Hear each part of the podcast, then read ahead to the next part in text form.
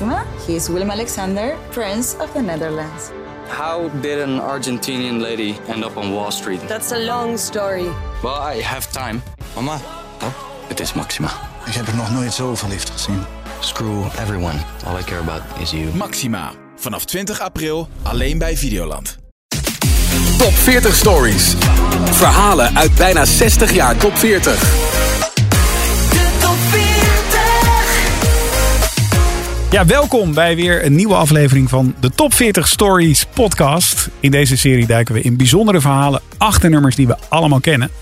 En we zijn Martijn Biemans tegenover me. Yes, music director bij eh, Q-Music. En ik ben Wim van Helden. Je hoort me elke middag tussen 1 en 4 op Q-Music. In deze aflevering hebben we het over een hit die in eh, 2015 de hele wereld overging. Van Nieuw-Zeeland tot Libanon, van Amerika tot Australië. Wereldwijd ging men los op dit nummer. Dat in de dance scene een heel nieuw geluid liet horen. We hebben het over Firestone van Kygo.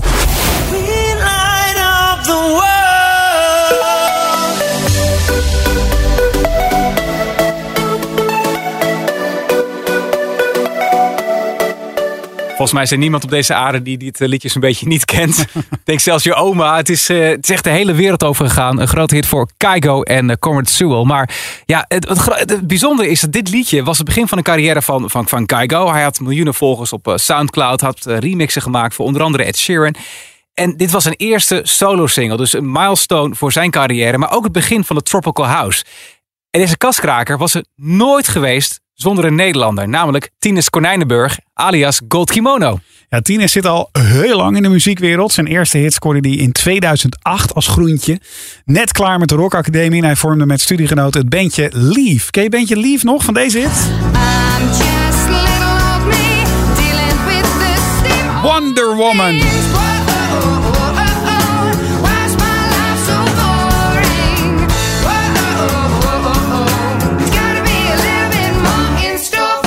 Uiteindelijk begint hij met schrijven en ook niet onverdienstelijk. Tines werkte samen met Anouk, met Diggy Dex, Dotan van Velzen en tegenwoordig ook met Suzanne en Freek. En in 2020 brengt hij als Gold Kimono de track To Tomorrow uit, wat ook de top 40 haalt. Feel the sunlight on my skin. I'm the best I've ever been. Feel the moment turning into tomorrow. Toffe track, maar ja, we gaan het hebben over zijn grootste succes internationaal. Firestone van Kygo. Welkom Tines. Yes, dankjewel. Leuk om je hier te hebben. Een keer niet in L.A., maar gewoon in Amsterdam. Bij is Ja, het Martijn of Tines eh, is het nou? eh Ja, we gaan voor tieners gewoon. Tines. Ja, Heb je zo'n mooie voornaam? En, eh, ja, ja. Je Naamgenoot, hè? ja, wist je dat 1 op de 250 man in Nederland Martijn heet? 1 op de 250? Ja, ik denk dat het daarmee te maken heeft. Holy moly. Dat dit- ze een bijnaam gegeven. de statistiek heb je paraat gewoon. Ja. Maar jouw bijnaam is niet Tines, Martijn Nee, Biemans. eh, Biemans, ja. Of Bimi. Biemeister. Ja, precies. Noem je vaak Biemeister. Ja, Ja. Klinkt ik als een rapper bijna. Nou, Biemeister. ja, dat ga ik niet doen. Dat ga ik niet doen. Ja, het is super leuk om eh, met jou te praten over Firestone. Het is eh, een van de allergrootste wereldhits van de afgelopen jaren. Mm. Ik zat eh, toevallig even naar de streams te kijken op Spotify. Weet ik, geloof ik een miljard inmiddels aan. Ja, die eh, zijn al echt uh, grandioos wat geluiden gaan, hè? Die, die, die eh, streams. Ja. Het is op een gegeven moment denk ik ook niet meer helemaal te vatten. Nee, getallen. totaal niet. Maar dat was het al heel lang niet, vond ik. Wat betreft die, eh, die aantallen. Het is zo, ik weet niet, bijna abstract. Ja, even helemaal terug naar de basis. Want toen Ja. was je eh, in LA om te Mhm. schrijven. Dat doe je vaker. Ja, nee, dat doe ik vaker. Dat heb ik de afgelopen, denk tien jaar ehm, inderdaad eh, gedaan. Dus echt heel veel in Los Angeles geweest. Ook gewoon werkvisum voor, voor de Verenigde Staten. Wat het mogelijk maakt. Eerst ging ik gewoon op toeristenvisumpje, weet je wel. Drie Maar- maanden. Ja, maar elke keer maxte ik hem uit, zeg maar. Dan na de vierde keer staan ze je zo aan te kijken bij de douane van... Kom je, kom je weer, weet je wel. Ja. En in, in Amerika zijn ze best wel, eh, kunnen ze best wel streng en fors zijn wat betreft de regelgeving en, en ook het gewoon het, het, het bannen van mensen eh, als ze doorhebben dat je daar aan het werk bent op een toeristenvisum. Dus ik dacht, oké, op een gegeven moment namen ze me echt apart. Toen dacht ik, toen begon ik wel een beetje peentjes te zweten. En toen kwam ik daar wel zeg maar doorheen. Toen dacht ik, oké, nu is het tijd voor, die, voor, voor dat visum. Ik moet nu even iets gaan doen. Dus Ja. toen, eh, sindsdien eh, is het gewoon geregeld. Even voor de mensen die niet weten, hè, want eh, je zat daar lekker Venice Beach, LA. Dus Mm. natuurlijk dat- inspirerende plek lijkt me. Ja. Maar het is ook op muziekgebied natuurlijk een reden dat je daar naartoe gaat. Ja, nee, absoluut. Ik, ik, ik had natuurlijk een songwriting ervaring in ons eigen kikkerlandje. En ik, ik, ik, ik vond het echt te gek om hier met iedereen te werken. En omdat ik songwriter eigenlijk aan het worden was, eh, dacht ik in één keer van, oh, ik vind dit zo leuk. Eigenlijk wil ik dit wel doen op een internationaal niveau. En ik dacht, ik vond reizen gewoon heel erg tof. Dus ik dacht gewoon, ja, als ik dat gewoon combineer, dan ga ik gewoon naar andere plekken in Europa en ook en ga ik gewoon songwriten. Dat, als dat, weet je, wel, kan. Ja. Zijn dan de mensen die bepalen dat je daar meer uit kan halen? Of de inspiratie? Nee, waarom- het was gewoon meer ikzelf. Want ik, ik, ik, ik, ik dacht, ik had gewoon een drive, weet je. Ik wilde dat gewoon op een, op bigger level doen, I guess. En eh, toen dacht ik, wat is nou een beetje het mekka van songwriting? Ja. En dat was LA. Daar, daar komen alle subculturen en ook de popmuziek. Het is toch een beetje de, ja, zoals ik het dan zeg, soms het vergelijk van de Champions League. Van de songwriting is daar, weet Ja. je wel. Alles is daar aanwezig. Dus ik dacht, ah, I gotta go to LA. Dus toen had ik de kaart van LA zo voor me. Toen was ik nog nooit geweest of zo. Ik dacht, waar ga ik heen? En toen zag ik het strand. Toen dacht ik, daar ga ik in ieder geval beginnen. Dit is Venice, Venice Beach. En daar ben ik eigenlijk naar weer weggegaan. En daar is ook het eerste zaadje geplant voor Firestone. Die wereldhit van Keiko die jij geschreven hebt. Ja, nee, absoluut. Het, eh, dat is daar geplant en ook eh, geschreven. Daar. Hoe is dat gegaan? Ehm, volgens mij was mijn tweede trip naar LA. En ik was met mijn- een van mijn beste maatjes, ehm, eh, Marcel. Skiggy Raps? Skidgy Raps, ja. Ja. We woonden in Utrecht samen en we werkten ook heel veel samen. We hadden een studio samen. En ehm, toen dachten we op een gegeven moment, laten we samen naar LA gaan. Toen hebben we ons huis de huur opgezegd. Toen dachten we, we gaan gewoon eh, drie maanden daarheen en als we terugkomen, dan, dan zien we wel waar het schip strandt. Dus wij gingen daarheen en gewoon ontzettend veel liedjes gemaakt en samenwerking gedaan. En er kwamen ook heel veel mensen langs. Dus gewoon vrienden, die vonden het vet leuk dat we daar zaten. Die dachten Ja. gewoon, eh, Ja. we komen langs, weet je wel. Dus iedereen komen kon, geen muziek maken. We iedereen kon gewoon partyen. genieten. Ja. iedereen kon gewoon partyen. En dan Matrasje, mo- moesten wij daarna ook gewoon weer werken, weet je wel. Maar het was dus ook zo dat, volgens mij was mijn zus die daar met haar vriend toen langskwam. En toen zij weggingen, bracht ik haar naar hen, naar het eh, vliegveld. Maar het was heel vroeg in de ochtend. En toen ik terugreed, volgens mij stond ik bij een stoplicht. En ik keek om me heen, omdat ik had een beetje tijd te doden om, eh, om op de stoplicht te wachten. En toen zag ik dus die, die heel flu- fluoriserende letters van het eh, autobandenmerk Firestone, weet je wel. Ja. En ehm, dat was hoe het begon. En toen dacht ik in de auto en zag ik dat woord. Toen dacht ik, dat is best wel een cool woord eigenlijk, Firestone. Weet je wel? En als je dan toch songwriter bent, dan ga je op een gegeven moment ga je die linkjes leggen, weet je. Dus ik zat in de auto terug naar huis. al- had ik gelijk het idee van, oh, dat is cool om daar de connectie tussen mensen mee aan te geven, weet je wel. Net zoals vuursteen en een, een spark en een, een soort van chemistry die eruit komt. Dus ik had die symboliek had ik in mijn hoofd. Dus in mijn hoofd, in de auto zat ik al met die tekst in mijn hoofd van Hearts are like Firestone. Ik dacht, dat is een tof idee. En thuis in de Airbnb die ik met, eh met Skidgy had, eh, hadden we een kleine baby grand piano. Dat, toen we dat zagen op die foto hadden we ook zoiets van, ja, vet, weet je wel. Dit is gewoon een piano in dit Airbnb. Let's go, weet Een je wel. soort babyvleugel. Ja, ja, babyvleugel. Ja. Een witte babyvleugel. Ik moet je af en toe al vertalen. Je hoort wel dat je vaak in L.A. bent geweest. Ja, ja, ja, sorry. Dat is, mijn vriendin is ook Amerikaans, dus ik spreek Ah, ja. eh, meer Engels dan Nederlands eh, eh, de, al jaren. Dus het, soms wordt het bij mij een beetje een mix. Maar ehm, Die babyvleugel. die babyvleugel, ja. En daar ben ik dus achter gaan zitten. En toen ben ik, wat ik in mijn hoofd had, ben ik gaan ehm, vertalen naar de piano. En daar kwam die track dus uit. Firestones heette Het heette toen nog Firestones. Ja, Ja. ik had in mijn, in, mijn, in mijn hoofd dat het eerst meervoud was. Ik weet niet waarom. En toen ik jullie die, die demo stuurde, toen zag ik, dat was grappig, want ik zag die naam. Toen dacht ik, oh ja, ik heb het eerst Firestones genoemd in plaats van Firestone. En later dacht ik, ja, Firestone is veel beter eigenlijk. Ja, je hebt ons een demo gestuurd, daar gaan we het zo meteen nog over hebben. Over van Firestone, hoe die, Ja. eh, het origineel. Maar dat, dat hebben we zo meteen over. Maar daar kwam je pas net achter dat, je, dat het met een meervoud was toen nog. Ja, nou, ik, ik, ik, het was niet dat ik er toen pas achter kwam. Het is meer dat ik me weer eraan herinnerd was van, oh ja, ik heb dat ooit meervoud genoemd in plaats van de enkelvoud. Dat was ik alweer vergeten. Het is wel leuk. We hebben Skitje ook eh, gesproken. Ja. Een vriend van je. Ja, ja, Eh, ja. je net zei, die was bij je in L.A. Ja, ja. Eh, en hij vertelde me, ja, wij kennen elkaar al vanaf de peuterspeelzaal. Mhm. Dus we gaan echt al het hele leven met elkaar mee en maken nu ook muziek samen. Ja. En hij vertelde over dat ontstaan daar in L.A. van Firestone, vertelde hij dit. de track viel wel meteen op. Maar voor ons, ja, we hebben daar zoveel liedjes gemaakt. Het was, op dat moment was het, was het gewoon één van de songs. We hadden wel veel vrienden die, die kwamen bijvoorbeeld een weekje langs en die gingen dan weer weg. En, en eh, het, het, was wel zo dat, dat liedjes sprongen voor heel veel mensen uit. Dat had het wel al meteen. Van, van oh ja, weet je wel, dit is wel. Ja, dit is misschien wel een speciale. Maar ergens was het ook gewoon one of the songs of zo. En het is, daarna heeft het natuurlijk een hele vlucht genomen. Maar ja, dat, dat, dat zie je ook als je, als je in deze business zit. Soms gebeurt dat. En 99,9% van de tijd gebeurt dat niet. En met deze is dat wel gebeurd. Merkte jij dat om je heen dan wel, Tines? Dat, dat inderdaad, je zegt, mijn zus kwam over en er kwamen vrienden langs. Ja. Dat die wel wat hier meer Ja. op aansloegen dan op andere dingen die je gemaakt had? Ja, nou, precies wat, wat Skitty net zei, wat, wat hij zei, klopt wel. Voor ons was het gewoon one of the. En voor, voor andere mensen die langskwamen, die gingen er echt op aan, inderdaad. Dat is precies wat het was. Ja, En hoe ben je bij Conrad Sewell uitgekomen? Dat is de zanger op de ja track. Conrad, die... Die, ehm, Die komt uit Australië? Ja, klopt. Ja, ja. Ja, En, maar hij en ik kwamen zeg maar een beetje in, in dezelfde periode in LA aan. Hij was op een, op een path van eh, zijn eigen carrière als artiest eh, aan, aan het behartigen, aan het opzoeken en heel erg zijn weg proberen aan het vinden in die stad. En eh, ik als, als beginnend nou, ja, songwriter dan zeg maar. Dus we gingen eigenlijk een beetje samen op en we hadden elkaar leren kennen in de muziek, gewoon een muzieksessie.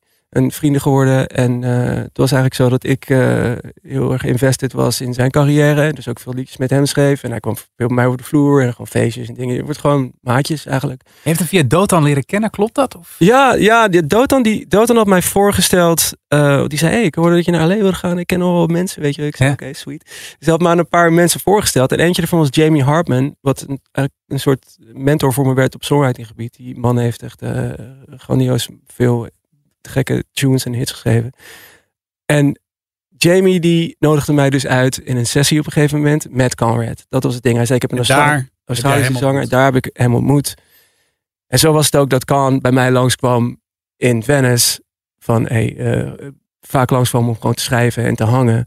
En dan zei hij altijd van, hey, what are you working on? Weet je wel? Eh, do you have anything I can listen or I can hear? En dus dan speelde ik hem gewoon shit af. En zo ook deze tune. Dus ik speelde dat voor hem. En hij zo, het eerste wat hij zei was, hij was dus ook zo iemand bij wie het gelijk opviel, blijkbaar. Hij zei gelijk van, oh man, dit vind ik echt, echt prachtig. Hij zegt, mag ik deze zingen? Ik zo, "Pff, great, let's do it. Weet je Ja. wel? Ik dacht gewoon, eh, cool, misschien eh, kan hij er iets mee. Ehm, en het was ook niet een tune wat mijn stem eh, heel erg draagt. Dus voor mij was het ook tof dat hij met zijn vocale bereik en gewoon een statuur dat zou zingen. Dat leek me helemaal top. Dus toen heb ik eigenlijk een, eh, ja, een, een, een, een iets uitgebreider arrangementje gemaakt. Die jullie ook eh, hebben gehoord met strijkers en piano, zeg maar. En ehm, toen we dat er helemaal op hadden staan, toen begon er bij mij wel iets meer te leven van, ah, oké, dit heeft wel echt een presence. Snap je? Zullen we even luisteren naar Firestones? Zoals het Firestones, ja, ja, let's do it.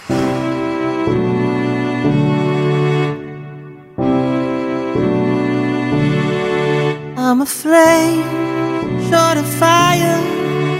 I'm the dark in need of light. When we touch, you inspire. Feel it changing me tonight. So take me up, take me higher. There's a world not far from here. We can die in desire, or we can burn in love tonight. Hearts alive, firestones. When they strike, we feel the love. Sparks will fly, they ignite our bones. When they strike, we light up the world.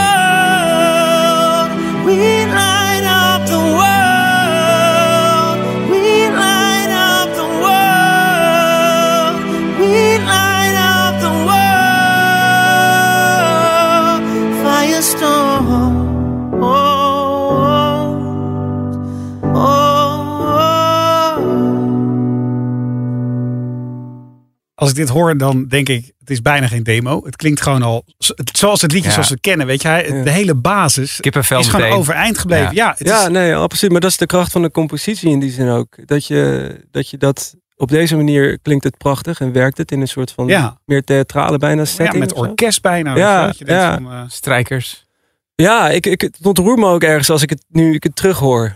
Weet je wel? Het is zo gek hoe dat werkt met muziek. Het is natuurlijk zo'n sprong in de tijd. Maar als je het dan weer hoort, dan transport you back. Weet je wel? ja, je zit weer- echt ook weer in het moment van het maken. Ja, maar het, het, confronteert me ook met, me, met wie ik toen was. En, en, en wat ik toen, hoe ik toen schreef en, en hoe ik in mijn leven stond, weet je wel. Dat is gewoon een. eh, het heeft iets melancholisch als je, dat, als, je Ja. dat, als je jezelf in een spiegel ziet eh, van zoveel jaar geleden eigenlijk. Dat is eigenlijk wat het is. Wat ik zo tof vind, is dat je dan, we kennen de tropische house versie. Ehm, maar als je dit dan hoort, dan- dan blijkt wel weer een goed liedje is in volgens mij in alle vormen volgens mij een mooi liedje. En dit is de basis. Maar Ja. in tropische house klinkt hij gewoon ook helemaal fantastisch. Dat is, Ja, je kan het in heel veel settingen eh, zetten. Zo, een- dit nummer denk ik in die zin. En de kracht van een goede compositie is dat je er heel veel mee kan. Ja. Dat is toch wel eh, het meestal het ding. Heeft Conrad ook nog iets aan het, aan het liedje veranderd? Of iets, iets aan gedaan, Nou, bijgedragen? Of, Wat we nu niet hebben gehoord, maar verderop in de track hoor je dat er een bridge in zit. Dus een, een brug eh, in het liedje. Wat nooit in de uiteindelijke versie van Keigo terecht is gekomen. Dus toen Conrad bij mij was, hadden we het idee van misschien moeten we een, een bridge schrijven. Ik zei ja, cool, let's do it. Dus we hebben samen toen dat bridge stuk erin gezet. Toen hebben we nog samen één of twee dingetjes veranderd textueel gezien. Het tweede couplet volgens mij. Tweede couplet. Ja, iets andere Ja, zin. en volgens mij één woordje in het eerste couplet wat ik net hoorde. Dat is wat Conrad er nog aan, aan, eh, met mij aan toegevoegd heeft. Eh, alleen, ja, die bridge heeft het dus nooit gehaald in het... eh, voor de mensen van de leken, wat is een bridge? Gewoon even, als je niet weet. nou, een bridge komt eh, origineel. Het, er is een beetje verwarring over wat een bridge, wat een bridge is. Want ehm, vanuit eh, de conservatieve opvatting van de bridge is het, is het stuk tussen wat het, wat het couplet en het refrein met elkaar connect. Dus de brug tussen het couplet en refrein. Maar hoe we eigenlijk in de popmuziek nu, nu de bridge eigenlijk naam geven, is niet meer op die manier. Maar op de manier dat je hebt een couplet en een refrein. En dan heb je nog een C-stukje. Meestal zit het ergens aan het einde van het liedje. Verder omhoog weer. Ja, exactly. Wat dan net iets anders klinkt. Soms ook andere akkoorden of andere melodielijn. Dat is dan de bridge. Dan heb je nog één keer even een ander stukje dus. En dan ga je weer terug naar wat je al hebt gehoord in de track. Zullen we even luisteren naar de bridge die we dus uiteindelijk in de versie van Keiko niet gehoord hebben? Ja, dat is het.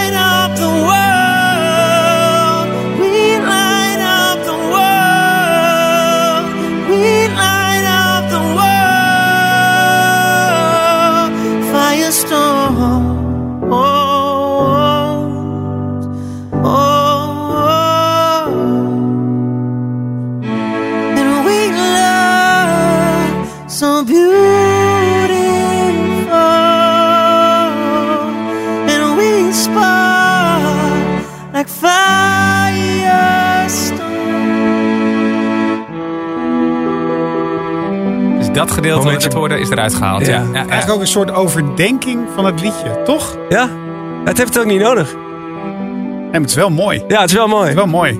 Uiteindelijk ga je weer terug naar wat je al kent. Ja. Dus Up the world. Ja. We light up the world. ja, ik vind het een mooi stukje. Maar ik snap ook dat Keigo dacht... ja, Knip. als je, hem- als je hem uitgevoerd had met orkest, dan had hij Ja, dit, wel dit, ingezeten. dit, als, je, als je bij een bruiloft bent, dan is dit de, de bridge. als je op een dancefeest staat, nee. Ja. en ja, dan heb je dus twee mensen die enthousiast zijn over liedje. Jij en Conrad denken van nou, volgens mij hebben we hier iets moois gemaakt. Ja. Ja, en dan? Nou, in dit geval nam Conrad het mee naar zijn managementteam. Hij zat bij de managementbureau eh, op Sunset Boulevard at the time. Waar we ook veel, veel werkten in die studio's. En dat waren mensen die hadden een goed netwerk. En die hoorden dit nummer en die gingen gelijk op tilt, basically. Dus toen werd er een andere grote platenbaas. eh, die vloog in naar LA. Kijk. En toen kregen wij het bericht. Hij komt. Jullie moeten er zijn. The big boss is coming. Exactly. en, die, en die tune afspelen. Dus de big boss kwam ook. En de big boss was fucking big. Het was een intimiderende. maar ook letterlijk gewoon. Echt, die gast was twee meter nog iets of zo. En ik kende hem ook in de zin van. Ik wist wie die was. Gewoon omdat het een hele befaamde Ja. eh, man is. Leor Cohen heet hij. Hij kwam op een gegeven moment binnen. En het was. eh, hij had weinig woorden. Hij zei. eh, play the track. dus Conrad en ik, zei, ik zat achter die console. Ik zei, oké, play. Weet je wel. En dan armpjes over elkaar en dan zo rustig zitten.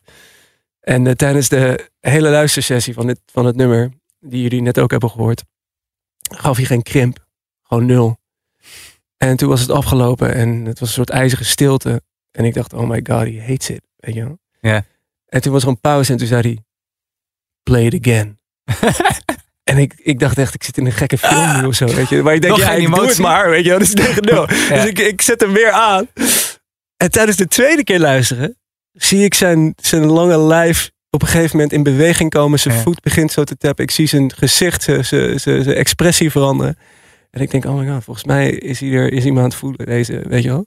En toen was het afgelopen en eh, hij stond op en hij torende boven ons uit en hij zei, are you fucking kidding me? We light up the world. We light up the world. Weet je, zo stond hij, zo stond hij helemaal te oreren gewoon van hoe, hoe vet hij dat vond. Ja. En toen dacht ik, oké, cool, hij vindt het vet. En toen, maar, maar de FIFA World Cup zat er bijna aan te komen. En hij begon gelijk van, eh, when we strike, we light up the world. Strike als in, weet je wel, Ja. schot op doel. Ja. Dus hij begon allemaal linken te leggen en hij had het gelijk over, over eh, hij begon gelijk te associëren, weet je wel, met artiesten naar wie hij toe kon. En hij was helemaal, helemaal psyched gewoon. Dus toen hadden wij zoiets van, eh, oké, dit is op zich tof. weet je wel.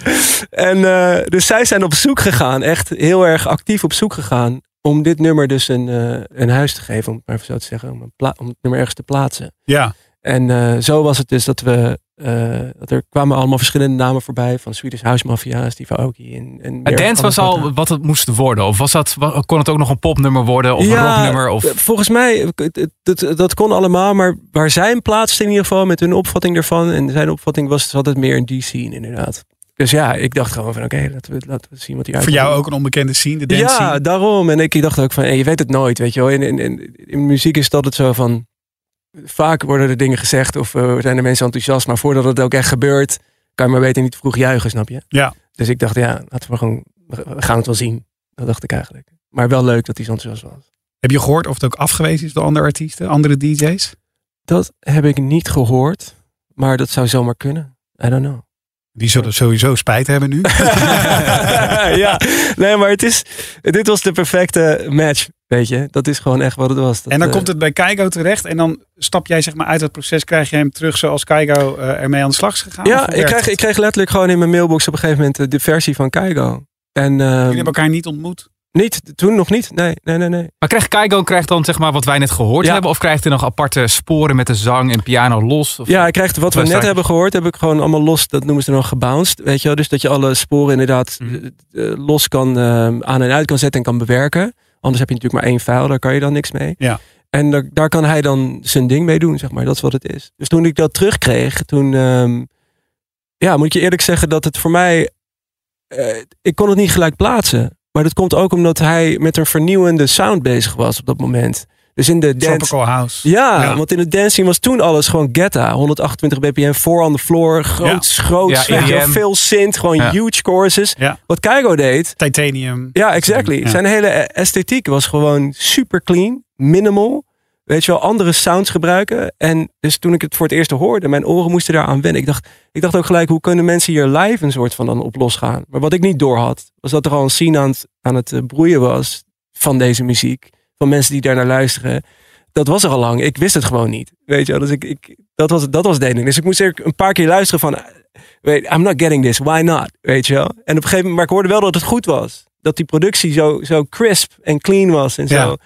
Dus ik moest er zelf even inkomen. Maar op een gegeven moment viel die. En toen dacht ik van, wow, dit kan best wel eens heel vernieuwend zijn in die zin. Maar ook gewoon heel te gek. Maar Keigo zelf was toen bekend van, van remixen van Ed Sheeran. Eh het Cut Your Teeth volgens mij had hij toen, eh, had hij Ja, toen was ook een En- remix. Ja. ja, allemaal, eigenlijk allemaal remixen. Dit wa- dit was toch zijn allereerste track? Nou, en dat was, dat was precies het, eh, het idee. Hij was, hij was getekend bij, bij, eh, bij Sony Ultra platenlabel. En zij waren natuurlijk naastig op zoek om hem te profileren als artiest. Ja. En omdat hij zo'n succes had met die remixes, is het natuurlijk een ideale jump-off platform. Dat als je iemand die zo'n bekendheid al genereert met, met remixes, als je die een, een original kan laten uitbrengen, ja, dat is, daar zit al de value natuurlijk. Dat is prachtig. Maar het is ook wel spannend voor jou. Want stel je voor dat het David Guetta was geweest. Had je misschien nog meer zekerheid. Je geeft toch een van je meest dierbare dingen die je gemaakt hebt. Geef je aan iemand die ook nog nieuw is. Dat nog eigenlijk nog moet bewijzen voor de massa. Ja, nee, klopt. Ik, ik, het, zo, ik vond het wel leuk omdat het gewoon iets was wat ik niet kende. En Ja. ook wat ik niet, wat mijn oren nog niet echt kenden. Dus ik was daar wel excited eigenlijk over. Weet je, ik had het natuurlijk ook vet gevonden als ik dat had gedaan. Maar dit was voor mij gewoon van, ah, hey, cool. Nice. En het wordt dan de doorbraak van die sound eigenlijk ook. De, Ja, de main- 100%. Ja, 100%. Maar dit, House, ja. maar dit is dus eigenlijk de lancering van de carrière van Keigo bij het grote publiek geworden. Hè? Ja, Jouw nee, absoluut. Ja, ja, precies. Dat is precies hoe het, hoe Dat het is bizarre gegaan. gedachte. Ja, van Ja. Getta was het zijn vijftigste hit geweest. Maar Ja, nee, maar dat, dat vind ik sowieso, eh, moet ik zeggen, als songwriter altijd een grote eer, weet je. En dat heb ik in mijn carrière ehm, eh, gelukkig, ik weet niet, op een of andere manier gebeurt dat bij mij vaker dan dat ik voor al succesvolle artiesten nog een succesvol liedje schrijf. ja, Heb, is het vaak ge- geweest dat ik een liedje schrijf waardoor een artiest succesvol wordt to begin with. Snap je wat ik bedoel? Dus Ja. een soort doorbraak. Maar hoe kan dat? Waar, waar, ligt dat aan, denk je? Ja, dude, ik heb geen idee. maar dat is gewoon iets wat me opvalt aan, aan, aan, mijn, aan mijn carrière. Dat ik op een gegeven moment dacht van, ah ja, dat is, ja, hè, cool. Maar het is allebei leuk, maar het is wel bijzonder. Snap je? Ja. Wanneer was het moment dat jij echt, eh, dat het indaalde, dat je dacht van, maar we hebben hier een wereldhit gemaakt? Nou, ik kreeg updates van Amerika elke keer als er dingen waren met de tune. En er waren een aantal momenten die doorslaggevend waren. Eentje was volgens mij Tomorrowland, heet het. Daar stond hij, Keigo. En daar speelde hij Firestone voor het eerst. En die beelden die had hij op zijn Facebook geplaatst en die zag ik. En ik zag die crowd, huge stage. En toen ik zag wat het deed met de mensen, toen kreeg ik een soort kippenvel. En toen dacht ik, oh my god, dit kan best wel eens echt gewoon gaan, gaan. Snap je wat ik bedoel? En nogmaals, omdat ik me ook niet helemaal had voorgesteld van hoe mensen hier een soort van op losgaan. Maar dat was gewoon die scene waar ik nog niet echt veel eh, van wist. En toen ik dat zag en de energie zag en de, de communicatie, de interactie zag met die tune en de mensen. Toen had ik wel van fuck. Want hij speelde Ja. daar natuurlijk voor het grote publiek ook Ja. voor het eerst. Ja. Niet te horen, want het, is, het was op dat moment natuurlijk nog geen hit. Dus dat Nee. zit dan in een set van de DJ. Ja. Die laat, en als de reactie van het publiek meteen zo is, is dat wel veelbelovend. Absoluut. Ja. En de- dat, is, eh, dat is ook wederom weer de, de, de power of the composition. Weet je, soms kan het gewoon. Mensen kunnen gewoon iets voor het eerst horen en gewoon erop aangaan. En eh, dat is wel een graadmeter voor dat je iets bijzonders hebt. Weet je. Wat is voor jou het meest bijzondere wat uit het liedje is voortgekomen? Wat dit heeft voortgebracht, Firestone? Ehm, kijk, voor mij echt het meest bijzondere van, van muziek is wat er op energetisch level gebeurt met mensen. Dus ik maak in dit geval een liedje samen met Keigo. Ehm, er zit een bepaalde intentie in. Iemand aan de andere kant van de wereld drukt op play en krijgt dat te horen en voelt er iets bij en, en maakt er zijn eigen avonturen en memories en bij. En dat is wat muziek natuurlijk doet, hè, in basis. Maar het mooie voor mij aan Firezone is dat het op een global level Ja. gebeurt. En je, je maakt dus iets wat op een global level dat ripple effect heeft. En dus dat ik bijvoorbeeld in Parijs loop. En ik loop langs een souvenirwinkel. En ik zie een meisje daar eh, losgaan op die trek. Die had zijn kaart in de winkeltje aanstaan. En ik kijk zo en ik, ik, ik stap me dead aan mijn tracks. Weet. Dus ik kijk zo naar haar. En ze kijkt me met zo'n glimlach aan. En, ze, en, en ik kijk Geen naar, idee wie jij bent en Nee. wie je geschreven en hebt. zij zegt, I love this song. En ja, en toen liep ik liep gewoon weer door. Ik kon niet eens echt iets zeggen. Ik dacht alleen maar van, dit is echt prachtig, weet je wel. Het is gewoon zo'n moment, dat soort kleine momenten maken het gewoon dat je, dat je denkt, ja, dit is precies waar het om gaat volgens mij. Waar muziek zo briljant in is. Connectie tussen mensen over de hele wereld. Ja, Iedereen is- die zijn eigen verhaal erbij heeft, Ja. gevoel erbij heeft, Exactly. emotie. En, en dat het gewoon iets positiefs bijdraagt aan, aan, aan mensen in experience. Dat is eh, wat dit nummer voor mij betekent op die schaal. Ja. Ja, en toen was het opeens 2021. Ja. En toen kwam er een ander verhaal naar buiten over Firestone. Dat is in dit verhaal toch een beetje de smet op het liedje. Ja, absoluut. Het is, eh, het is een heel, heel soort van jammer, eh, ja, hoe zeg je dat, eh, hoofdstuk of zo in, in, de- in, in, in dit verhaal. Wat ik ook compleet niet zag aankomen, maar Nee. wat, wat wel is ge- gebeurd. Ja, want we hebben het over Arjen Lubach. Uh-huh.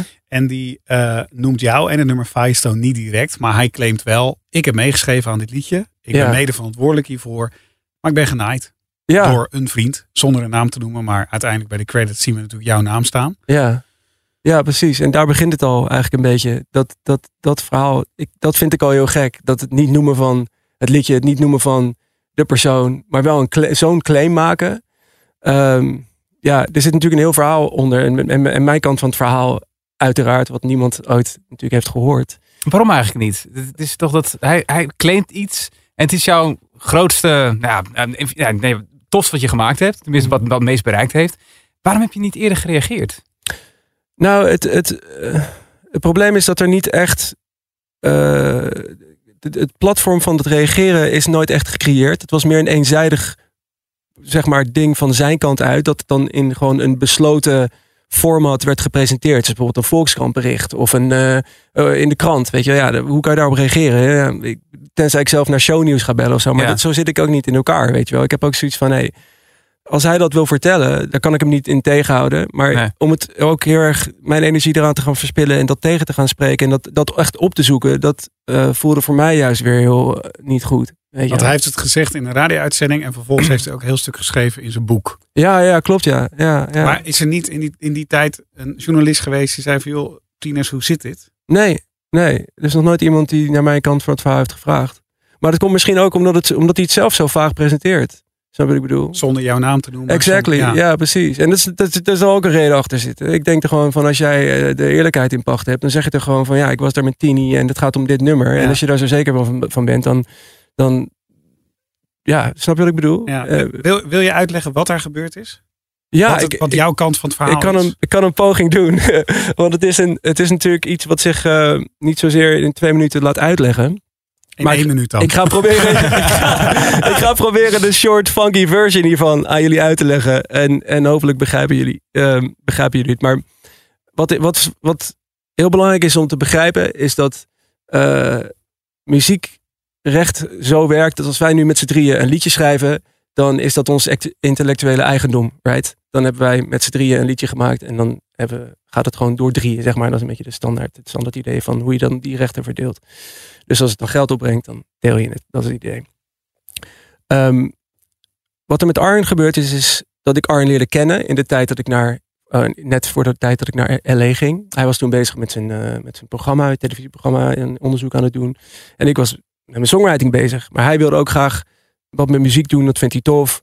En we hadden gewoon, ehm, eh, op een gegeven moment, eh, hij ging naar LA voor, voor, die, eh, voor het tv-programma. Ik was daar voor muziek. Dus zoiets van, middag. ja, misschien kunnen we gewoon eh, daar ook chillen en, en samen wat muziek maken. En zo, hadden het idee om eh, wellicht samen wat, eh, ja, gewoon wat eh, te hangen en wat muziek te maken. En zo was het ook dat ik, dat wat ik je net hoorde, de, de, de, toen ik dit liedje had, heb ik het naar hem toegestuurd. Gewoon via de mail. Zo van, yo Jack, dit is een liedje wat ik vandaag heb geschreven. Toen heeft hij daar een beat onder gebouwd. Dus, Een soort remix van gemaakt. ja, precies. Mhm. Zelf. Ehm, dat is wat hij heeft gedaan. Dus dat is natuurlijk heel iets anders dan het liedje schrijven. Want het liedje schrijven doe je achter een piano. En dat is het deel wat ik heb gedaan, zeg maar. Hij heeft gewoon zelf daar een productie omheen gemaakt. Dat is Ja. wat hij heeft gedaan. Eh, vanuit zijn enthousiasme.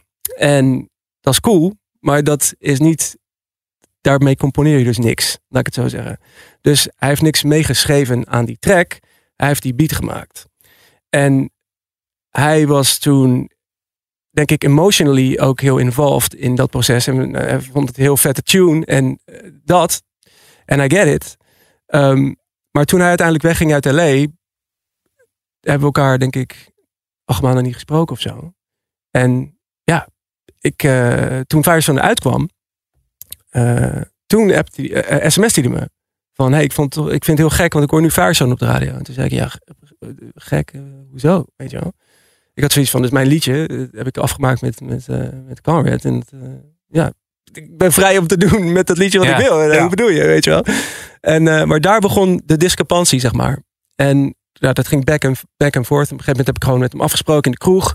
Gewoon zeggen van, laten we erover praten. Want ik snap echt oprecht niet waarom je je genaaid voelt, mijn man, weet je wel. En ehm, nou goed, toen in de kroeg eh, dacht ik gewoon, ik hoor jouw kant van het verhaal graag aan. En dan let's talk about it. Maar daar kwamen we gewoon niet uit. En dat vond ik eh, heel vervelend. Eh, want hij had gewoon heel erg het idee van, ik wil, ik, heb, ik wil credits voor die track. Want hij zei tegen mij letterlijk, in de zee van jouw talent ben ik toch een stipje geweest. Weet je wel? Mhm. Voor zijn idee was dat het geval. Want hij zei dat hij dus ook in LA was op dat moment. En dat hij ehm, arrangementen heeft gebouwd. En op basis daarvan jij weer coupletten hebt gemaakt. Dat is wat hij eigenlijk zegt. Nou ja, kijk, het, het, het, het is gewoon heel belangrijk om te, om te blijven begrijpen dat op het moment dat je een liedje schrijft, dat het heel iets anders is dan als je arrangementen bouwt om een liedje Mhm. heen. Dus als dat zijn, als, als je aandeel is arrangementen bouwen, dat is bijvoorbeeld letterlijk wat Keigo heeft gedaan. Nou, arrangement is dan meer die, die tropical house sound. Exactly, ja, precies. Dus als hij. Dat, en hier moet je muziekrecht dus een beetje voor begrijpen. En weten hoe, hoe de, de, de publishing kant en de masterkant van muziek werkt. Om dit onderscheid überhaupt te kunnen maken. heel ingewikkeld is. Ik vind het al heel ingewikkeld. Ik heb al eens geprobeerd te leren hoe het nou zit. Maar ik vind het best wel... eh, Ja, nou ja, precies. Daarom, daarom is het ook soms moeilijk om uit te leggen. Omdat voor een Want leek... Keigo is dan ook niet een van de schrijvers. Nee, Keiko is niet een van de componisten. Hij is de producer. Dus de man Precies. die de beat heeft gemaakt. En dat de, zie je vaak ook apart vermeld staan. Bij Exactly. de credits, hè, productie. Precies. Of, Ja, precies. En anders sta, je bij, Songwriter. anders sta je bij writer. Ja, dat zijn twee verschillende vak- vakgebieden. Ja. Zeg maar, die natuurlijk elkaar heel erg complimenteren in die zin. Ja. Weet je, want ik geef het aan Keigo en hij maakt er dat ding van en dat. Dus ik zit aan, als je het met Arjen Lubach vergelijkt, dat zit op een ander vlak. Snap je wat ik bedoel? Maar dus zelfs als die beat die Arjen in zijn ehm, remix eh, gemaakt heeft. Mhm. Stel dat Keigo die gewoon had gehouden. Dan was Arjen nog steeds niet een van de schrijvers geweest. Dan had hij hooguit bij Nee. de producerskant een Ja, aandeel dan gehad. had hij bij de producerskant een aandeel of een, had hij naar maar kijken er is überhaupt niks van gebruikt. Nee, die, dat heeft hij nooit gehoord. Nee. nee, nee. Dus dat is allemaal niet, helemaal niet relevant. Hij heeft, hij, heeft ook niet, ik hij heeft niks meegeschreven aan wat er van het liedje uiteindelijk gebeurd is. Ook niet geen inspiratie geweest om een liedje te maken. Nee, helemaal niet. Want dat liedje, wat ik net uitlegde, Ja. heb ik gemaakt op de manier waarop ik het gemaakt had. Eh, Ja. eh, zelf achter de piano. En hij was daarna- niet mee in die auto dat hij bij, mee reed of zo. Dat hij dat... Nou, dit, dat was, dit was het meest bizarre wat ik, eh, wat ik ongeveer uit dat gesprek met Arjen eh, eh, terugkreeg. Want toen ik hem zei van begin bij begin, van Ja. hoe, hoe, hoe, je- ja, hoe je hierover voelt, zei hij van ja, ik weet nog dat we in de auto zaten en we zagen dat. En toen moest ik, ik zeg sorry dat ik je gelijk onderbreek, maar bro, daar was je niet bij, ouwe, weet je wel? daar was je niet bij. Het bord Firestone. Ja, exactly. Maar toen dacht ik wel, oké, als je daar begint met je verhaal, dan snap ik dat je uiteindelijk eindigt bij, Ja. bij ik voel me genaaid. En dit was ook een fenomeen wat ik, wat ik vaker in mijn carrière heb meegemaakt. Met mensen die zich dan associëren met iets wat ik ze heb verteld, maar waar ze niet zelf bij waren. En ook zelfs in het voorbeeld met Carmet, wat ik jullie net gaf, met die platenbaas. Hij vroeg ook aan mij, hoe ben je op Firestone gekomen? En voordat ik wat kon zeggen, zei Carmet, we saw the sign of Firestone. Ah. En terwijl ik daar in de studio zat, zei ik er niks van. En dacht ik van, oké, ik laat hem gaan uit zijn enthousiasme. Maar dat, dat bepaalde die affiniteit met dat, dat hij wil dan blijkbaar voor die platenbaas overkomen als, snap je wat ik bedoel? Mhm. Vloept dat eruit. Het is niet waar, maar hij zegt het wel. En dat was precies hetzelfde wat met Arjen gebeurde toen we in die kroeg gingen zitten. Is dat, dat was een eerste ding. En toen zei hij, ja, ik heb mensen gesproken in de muziekindustrie. En die vinden ook dat ik credits verdien. Maar toen zei ik ook, ja, dat snap ik. Want gebaseerd op jouw verhaal. Ze kennen alleen jouw kant van het verhaal. Ik ben degene die Ja. Al decennia in dit vak zit. En liedjes schrijft. En hoe bedoel je, weet je wel? Ik begrijp, ik begrijp van hem gewoon niet. Hij is natuurlijk, heeft een hele mooie carrière als talkshow-host. Dat, dat hij dit, dan verzint of in zijn hoofd. Ja, hoe, hoe kan dat? Dat vind ik zo bijzonder. Ja, dat, daar kan ik verder ook niet echt eh, hele zinnige uitspraken over doen. Ja. Zonder dat het allemaal op aannames gebaseerd is. Maar ik kan, ik, het, het enige wat ik voel is dat hij er heel veel eh, emotionele affiniteit mee had. En het heel graag ook wilde, denk ik, op zo'n bepaalde manier. Maar het is niet...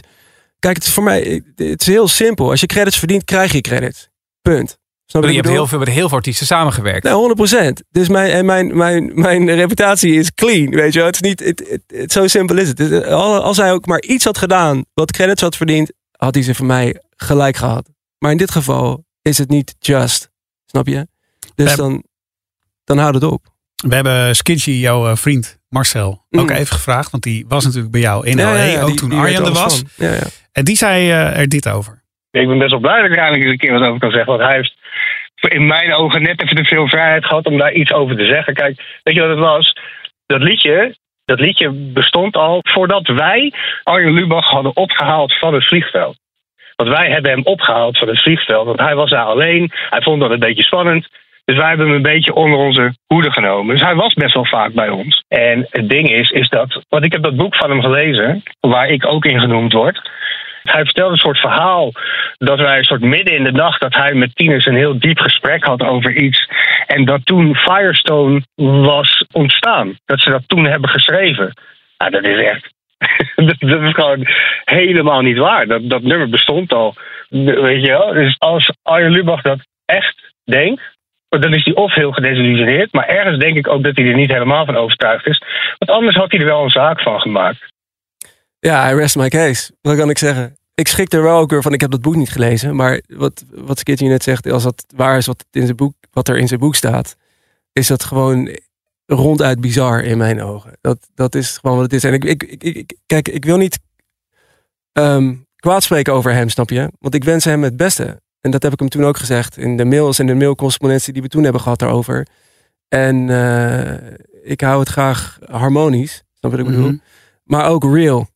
En de waarheid eh, zit in mijn ogen, snap je? Dus dat is het enige wat voor mij telt. En dat is ook de reden waarom ik nooit de behoefte heb gehad om heel erg daar verder iets aan te doen. Ik leef met mezelf. Ik sta met mezelf op elke dag. Als ik mezelf in de spiegel kan aankijken, aan mijn happy man. Weet Ja. En niet iedereen, iedereen hoeft dat te weten.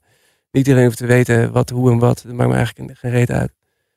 Maar ik vind het wel tof dat jullie er de tijd voor nemen om er een keer naar deze kant van de verhaal te Ja, luisteren. nee, ik was, ik, was, ik was onwijs nieuwsgierig. Want het is zo'n mooi verhaal hoe het liedje ontstaan is. Het Ja. is zo'n grote hit, zo'n mooi Nederlands succes. Ja. En eh, ja, ik wil dus weten hoe, het- hoe het verhaal nou in elkaar steekt. En eh, Ja. fantastisch om te horen hoe dat. En wat heeft het jou gebracht verder? Gewoon als, als mens, als voor je carrière, dat dit liedje zo groot geworden is? Ehm, wat heeft me gebracht? Ik, ik moet je eerlijk zeggen dat, dat het in de, in de ik zeg, materialistische zin brengt het je misschien wat opportunity of kansen of het financiële eh, freedoms. Maar eh, voor de rest is er eigenlijk niet veel veranderd, man. Like, voor, voor, voor mij, degene die ik was voor dat nummer, dat is nog the same thing of zo. En dat is ook altijd zo grappig aan dat als je iets schrijft wat heel succesvol wordt.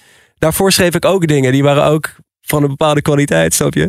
En dus het is niet zo dat mij heel erg veranderd heeft. Het heeft me eh, kansen geboden die tof zijn. Het heeft me, het heeft me de, de, de vrijheid gegeven om nog meer te investeren in mijn werk. En nog meer mooie reizen te maken en mooie mensen te ontmoeten. En, en dat vind ik eigenlijk de meest prachtige kant en Ja. extensie van, van wat het mij dan biedt. Naast waar we het net over hadden, dat het anderen veel heeft geboden. Weet je wel. Ja. En toen je eigen carrière als Gold Kimono heb je ehm, Mhm. met Suzanne Freek laatst weer samengewerkt. Wat zijn nog meer dingen die er allemaal aankomen de komende tijd voor jou? Ehm, nou, ik ben vooral ge- gefocust op, op, op Go Kimono op dit moment inderdaad. En eh, ik heb ja, mijn samenwerking met Suzanne en Freek ben ik super blij mee. Die hebben mij een beetje omarmd in een team. eh, wat eh, wat heel, heel te gek is. Eh, ik heb laatst met Cloud voor het eerst samengewerkt. Wat ik echt te gek vond. Dat ook als een speer. Ja, het is ook zo'n fijne, fijne topper, die Cloud. Dat Lela of de, de, de, de, eerste? Nee, nee, nee. Een nieuw, Nieuwe? Ja, een nieuw, een nieuw materiaal. Nee, die waren er al. Ja, die waren er al. Dus eh, er zijn dat soort samenwerkingen die ik in Nederland wel eh, vind. En, en die ik heel tof vind. In het buitenland is het nu een beetje op een iets, eh, iets lager pitje. Maar ja, vooral aan het focussen op mijn eigen eh, artiestenschap. We begonnen net eh, met een bandje waar jij ooit eh, in bent begonnen in de Zero's. Hè? Leave, Wonder Ja, Woman, ja. grote hit geweest. Ja. Oh, oh, oh, oh, oh, oh, why is my life so boring? nou, dat, dat kunnen we al die jaren later zeggen dat dat zeker niet het geval is. Wat heb je na meer dan 15, 20 jaar in de muziekindustrie? Wat is jouw grootste levensles geweest? Wat heeft dit vak jou meegegeven?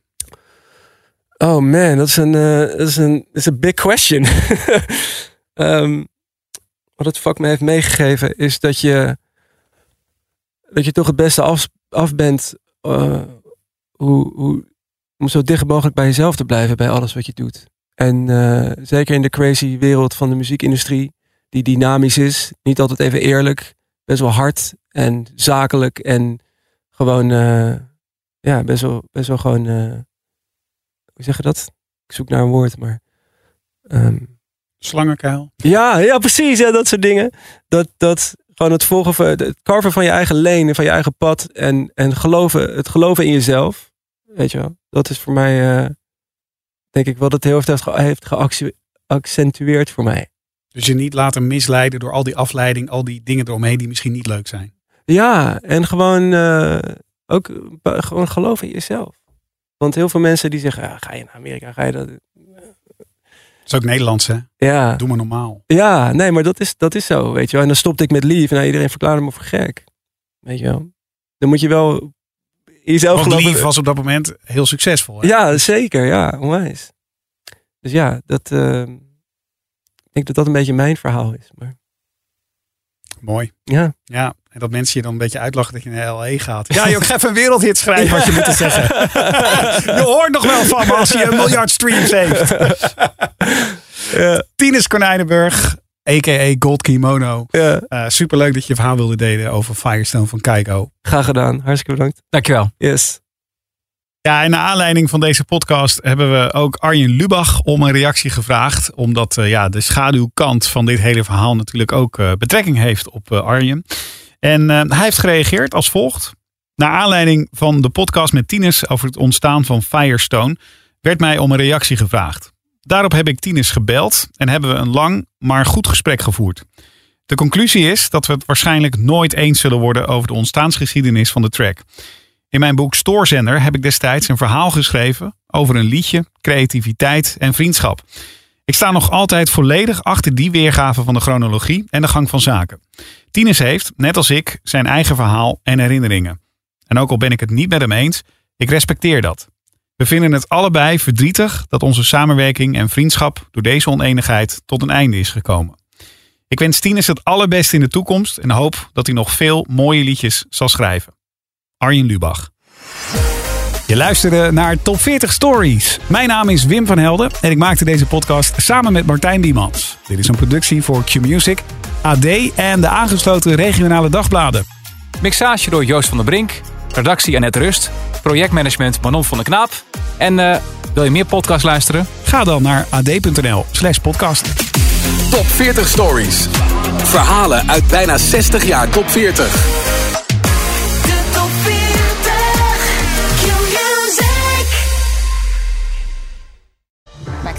He is Willem Alexander, Prince of the Netherlands.